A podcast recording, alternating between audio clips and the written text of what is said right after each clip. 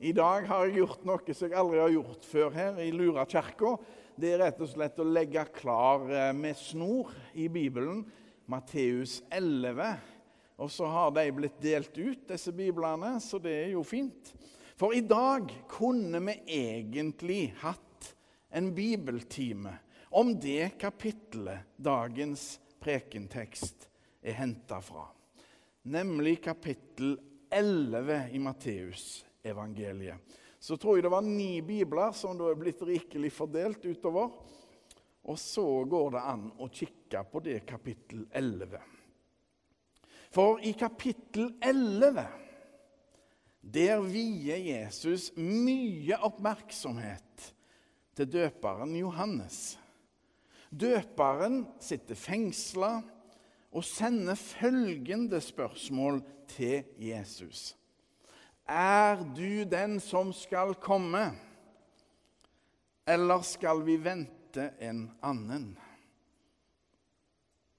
Og Jesus svarer med å vise til hva han gjør. Blinde ser, og lamme går, osv., osv. Og bekrefter med det at han er Messias eller Kristus. Det betyr den salvede på henholdsvis hebraisk og gresk. I dette Jesus sier, så hedrer han, løfter han opp Johannes, døperen. Jesus er krystallklare på at døperen Johannes virkelig har fullført det oppdraget han var født til. Å være Herren Guds veirydder. Og som dere sikkert ser, dere som har biblene oppslått Kapittelet avslutter med at Jesus takker sin far for at dette er skjult for de vise og forstandige, som han sier, men derimot åpenbart for de umyndige små. Og helt til slutt kommer de kjente og kjære ordene fra Jesus, der han sier, 'Kom til meg, alle dere som strever og bærer tunge byrder.' Og jeg vil gi dere hvile. Men midtveis i kapittelet, som er vår prekentekst, opplever vi en ganske så oppgitte Jesus. La oss høre Herrens ord. Gud være lovet. Halleluja, halleluja, halleluja. Det står skrevet i evangeliet etter Matteus. Jesus sa, 'Hva skal jeg sammenligne denne slekten med?'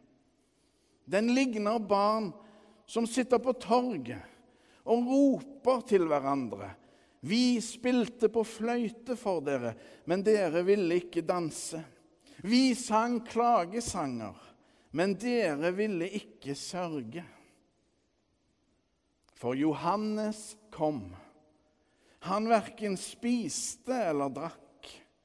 Og folk sier han har en ond ånd i seg. Menneskesønnen kom. Han spiser og drikker. Og de sier, se for en storeter og vindrikker, venn med tollere og syndere. Men visdommen har fått rett det bekrefter gjerningene hennes. Slik lyder det hellige evangelium. Gud være lovet. Halleluja, halleluja, halleluja.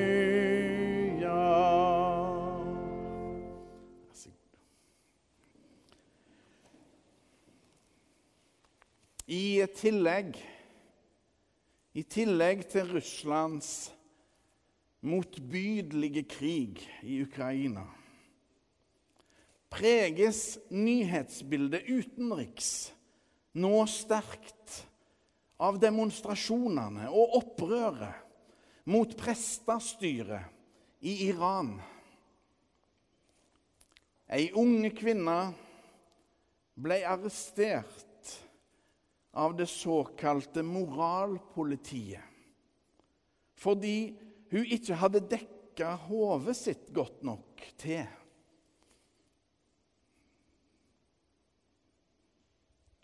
Hun døde etter noen dager i deres fengsel. Dette har fått unge, rasende mennesker til å gå ut på gatene og demonstrere, sjøl om de vet det er ulovlig. Sjøl om de vet hvor farlig det er. Over 30 personer har blitt drept i disse opptøyene. For de er rett og slett drittlei det strenge regimet i Iran. Det ser ut til at ytringsfriheten og trosfriheten er en fjerne drøm både i Iran og i mange andre land. Diktatoriske tvang er forakt for menneskeverdet.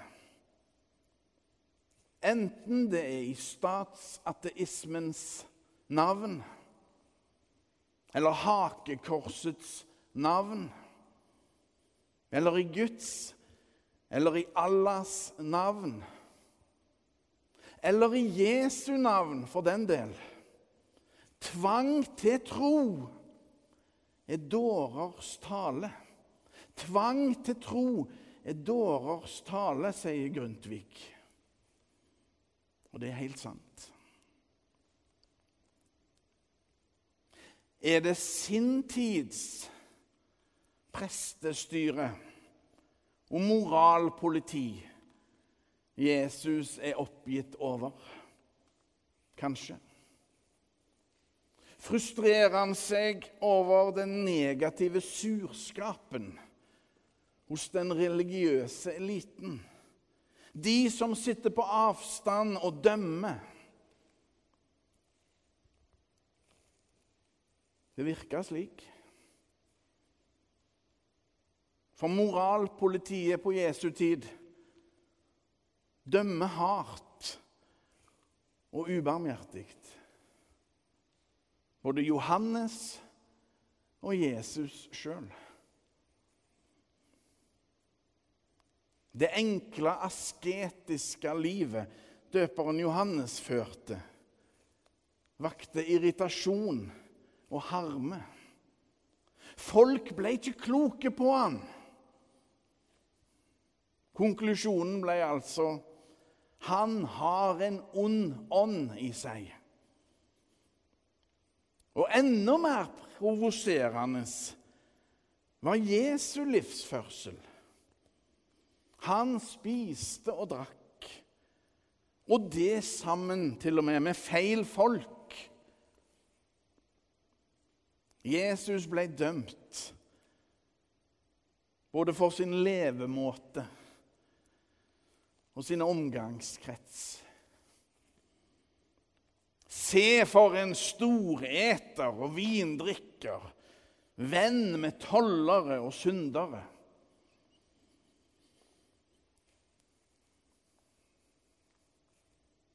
Den oppgitte og frustrerte Jesus registrerer at uansett Uansett har folk en tendens til å sette seg på gjerdet, på tribunen, og rope til hverandre uten å delta sjøl.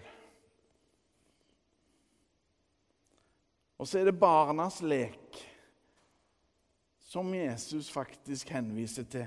Barnas lek gjenspeiler dette de som sitter og roper. Men nå som den gang Det er ikke på tribunen kampen spilles. Tilskueren kan mene mye om kampen på banen, men er bare tilskuer for det. Slik er det òg i vår tid, 2000 år seinere. Jesus kommer i kjærlighetens navn. Han, Jesus Kristus, menneskesønnen, undrer seg over oss mennesker og vår tendens, eller hang til, å velge kjærlighetens motsetning. Og kjærlighetens motsetning er ikke hat. Nei, likegyldighet. Vi velger lett sløvheten og avstanden som likegyldigheten fort skaper. Og ikke bry seg. Og blåse i vår neste. Og gi blaffen i våre medmennesker. Og gi blaffen i fellesskapet. Holde seg vekke fra det.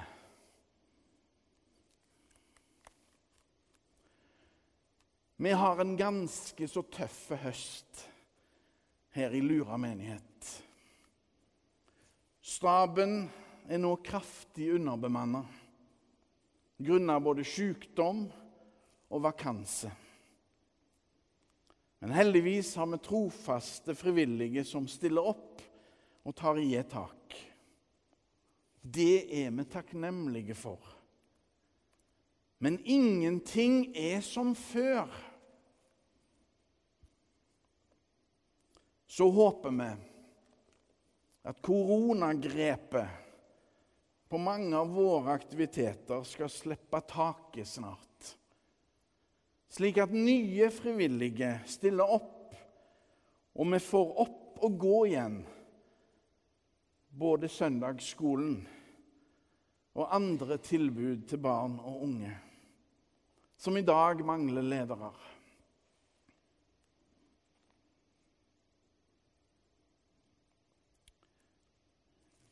For noen år siden ga ei dame en stor, anonym gave til Kirkas diakonale arbeid. Hun hadde ei tro, men den var skjult.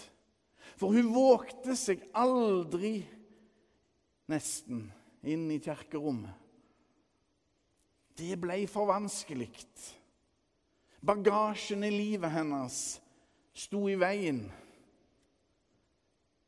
Men hun var glad i kirka og Jesus.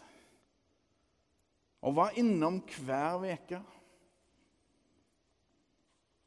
Denne dama hadde ei skjulte, men sterke tro.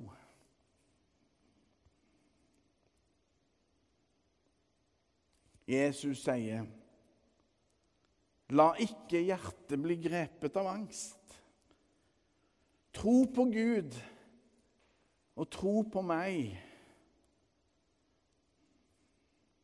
Jesus er med oss og kaller oss til å leve i hans nærhet.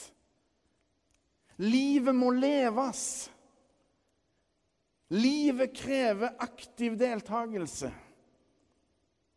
Livet kan ikke leves fra tribuneplass på avstand. Livet er nærhet og tillit. Livet er å være med. Jesus kommer i kjærlighetens og visdommens navn og innbyr oss alle til å ta del i sitt rike. Jesus er Herre. Jesus er den som krever alt. Og er han heldigvis. Han er den som gir alt. Ære være Faderen og Sønnen og Den hellige ånd, som var, er og blir en sann Gud fra evighet og til evighet. Amen.